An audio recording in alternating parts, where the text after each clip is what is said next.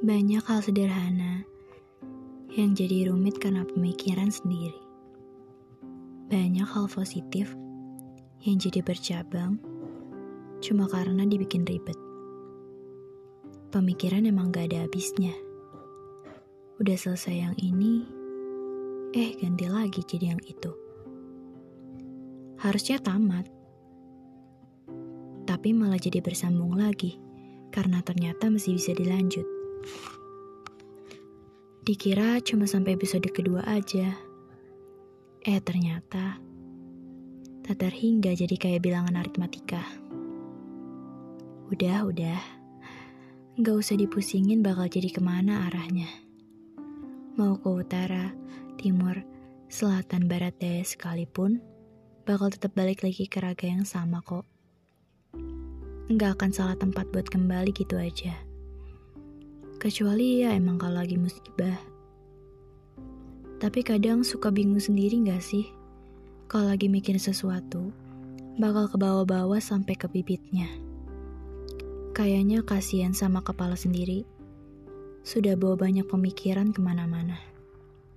Gak heran sih kalau kadang saya suka pusing sendiri ngebawanya. Niatnya cuma mau mikirin satu hal, tapi tiba-tiba banyak hal berebut ngantri masuk kayak lagi nonton bioskop. Eh ngomong-ngomong tentang nonton bioskop, kalian pernah gak sih saking terlalu konsen mikirin seseorang yang ada di samping kalian, jadi nggak tahu sama jalan cerita film yang ditonton. Dulu saya pernah ditanya gini waktu filmnya sudah selesai. Gimana tadi filmnya? Seru. Terus saya malah jawab, wah tadi filmnya romantis banget.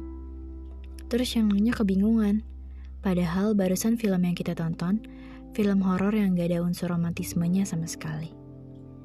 Duh, kadang pemikiran sulit banget buat dikontrol ya. Kayak sekarang deh. Dengerin ini sampai sini, pemikiran kalian sudah sampai mana? Pemikiran kalian sudah sampai di orang yang mana? Di orang keberapa? Masih sama kayak orang yang kalian lamunin kemarin malam? Atau sudah beda raga? Atau jangan-jangan kamu mikirin kalau dia lagi ngelakuin hal yang sama kayak kamu atau enggak. Kalau yang ini, saya benar-benar enggak bisa tanggung jawab. Sebenarnya, saya punya dua pernyataan. Yang pertama, mungkin aja dia emang gak sengaja ngebawa kamu larut dalam pemikirannya tentang sesuatu. Ingat ya, tanda kutip, sesuatu. Dan yang kedua, lebih mungkin lagi kalau kamu sekarang putuskan koneksi pemikiranmu ke arah sana. Saya cuma ingin meminimalisir rasa kecewamu, agar tidak meluap dan berujung pada rasa hampa yang berkepanjangan. Pemikiran emang bisa tambah rumit kalau disuapin sugesti setiap hari.